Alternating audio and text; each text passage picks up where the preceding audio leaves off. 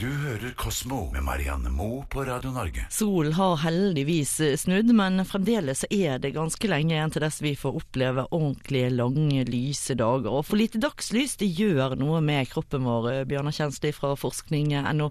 Hva er det egentlig som skjer fysisk i kroppen vår når vi får for lite dagslys? Først og fremst så klarer ikke kroppen vår å produsere nok eh, D-vitamin, for det produserer den eh, direkte av sollys. Altså sola er vår viktigste kilde til, eh, til D-vitamin.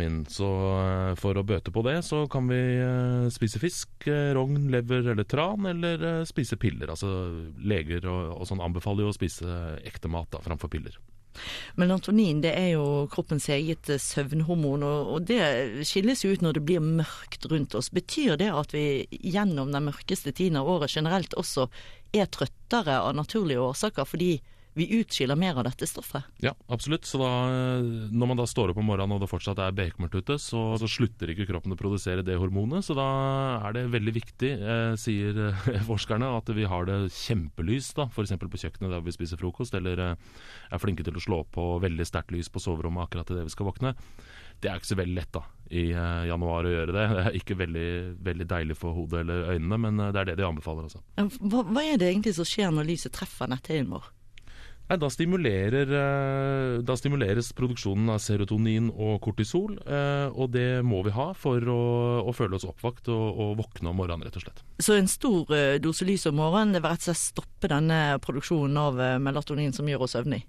Ja, og det er også eh, sånn at eh, hva slags lys vi får inn i øynene, det, det gjør ulike ting. Eh, sånn gult, litt behagelig lys, det er ikke noe særlig. Så de, blått lys er egentlig det ultimate, men det ser litt spesielt ut å ha det hjemme i leiligheten sin, så de anbefaler hvitt lys. Men så finnes det jo da noen triks og hjelpemidler man kan bruke. Ja, man kan bruke sånn uh, lysterapi. Uh, altså man kan ha en, uh, en lampe på jobben f.eks. som gir deg en halvtime eller noe sånt med veldig sterkt lys i løpet av dagen. Og det frisker opp hjernen din. Da tror hjernen din at nå er det midt på lyse dagen og, og gjør seg klar til det. Har man det litt sånn mørkt og dunkelt på kontoret, så blir man jo også veldig sigen. Det fins også, som forskeren her snakker om, uh, finnes det noen slags lurepersienner som er lagd av sånn LED-lys som man kan sette opp på veggen, som lurer huet ditt til å tro at eh, sola har stått opp. Som eh, man må jo ofte om vinteren stå opp eh, lenge før sola står opp. Og da er det mye lettere å våkne, da. Så da kan man ha en litt sånn gradvis opplysning av rommet, og, og det ser ut som sola har stått opp, det gjør det mye lettere å stå opp. Ja, for jeg vil jo anta at det naturlige dagslyset er det beste uansett, selv om vi kan på en måte lure kroppen vår litt med forskjellige hjelpemidler og kunstig belysning. Så jeg har vel dagslyset kvaliteter som kunstig lys aldri vil kunne erstatte.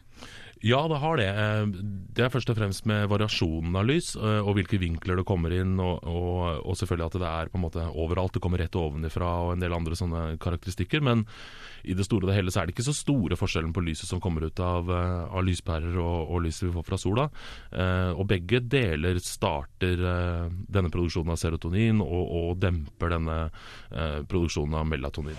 Kosmo, natur og vitenskap på Radio Norge. Søndag kveld fra klokken åtte. Du har sikkert opplevd det å tenke åh, endelig helg eller endelig ferie, for så å bare bli slått fullstendig ut av forkjølelse eller influensa.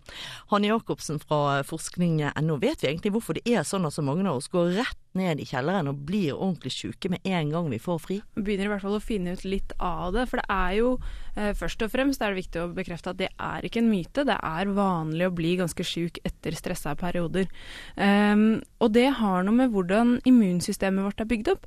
For du har egentlig to typer immunsystem. Du har det som du er født med, og så er det det som du har bygget opp gjennom eh, de årene du har levd og de påvirkningene du har påvirkningene du har fått.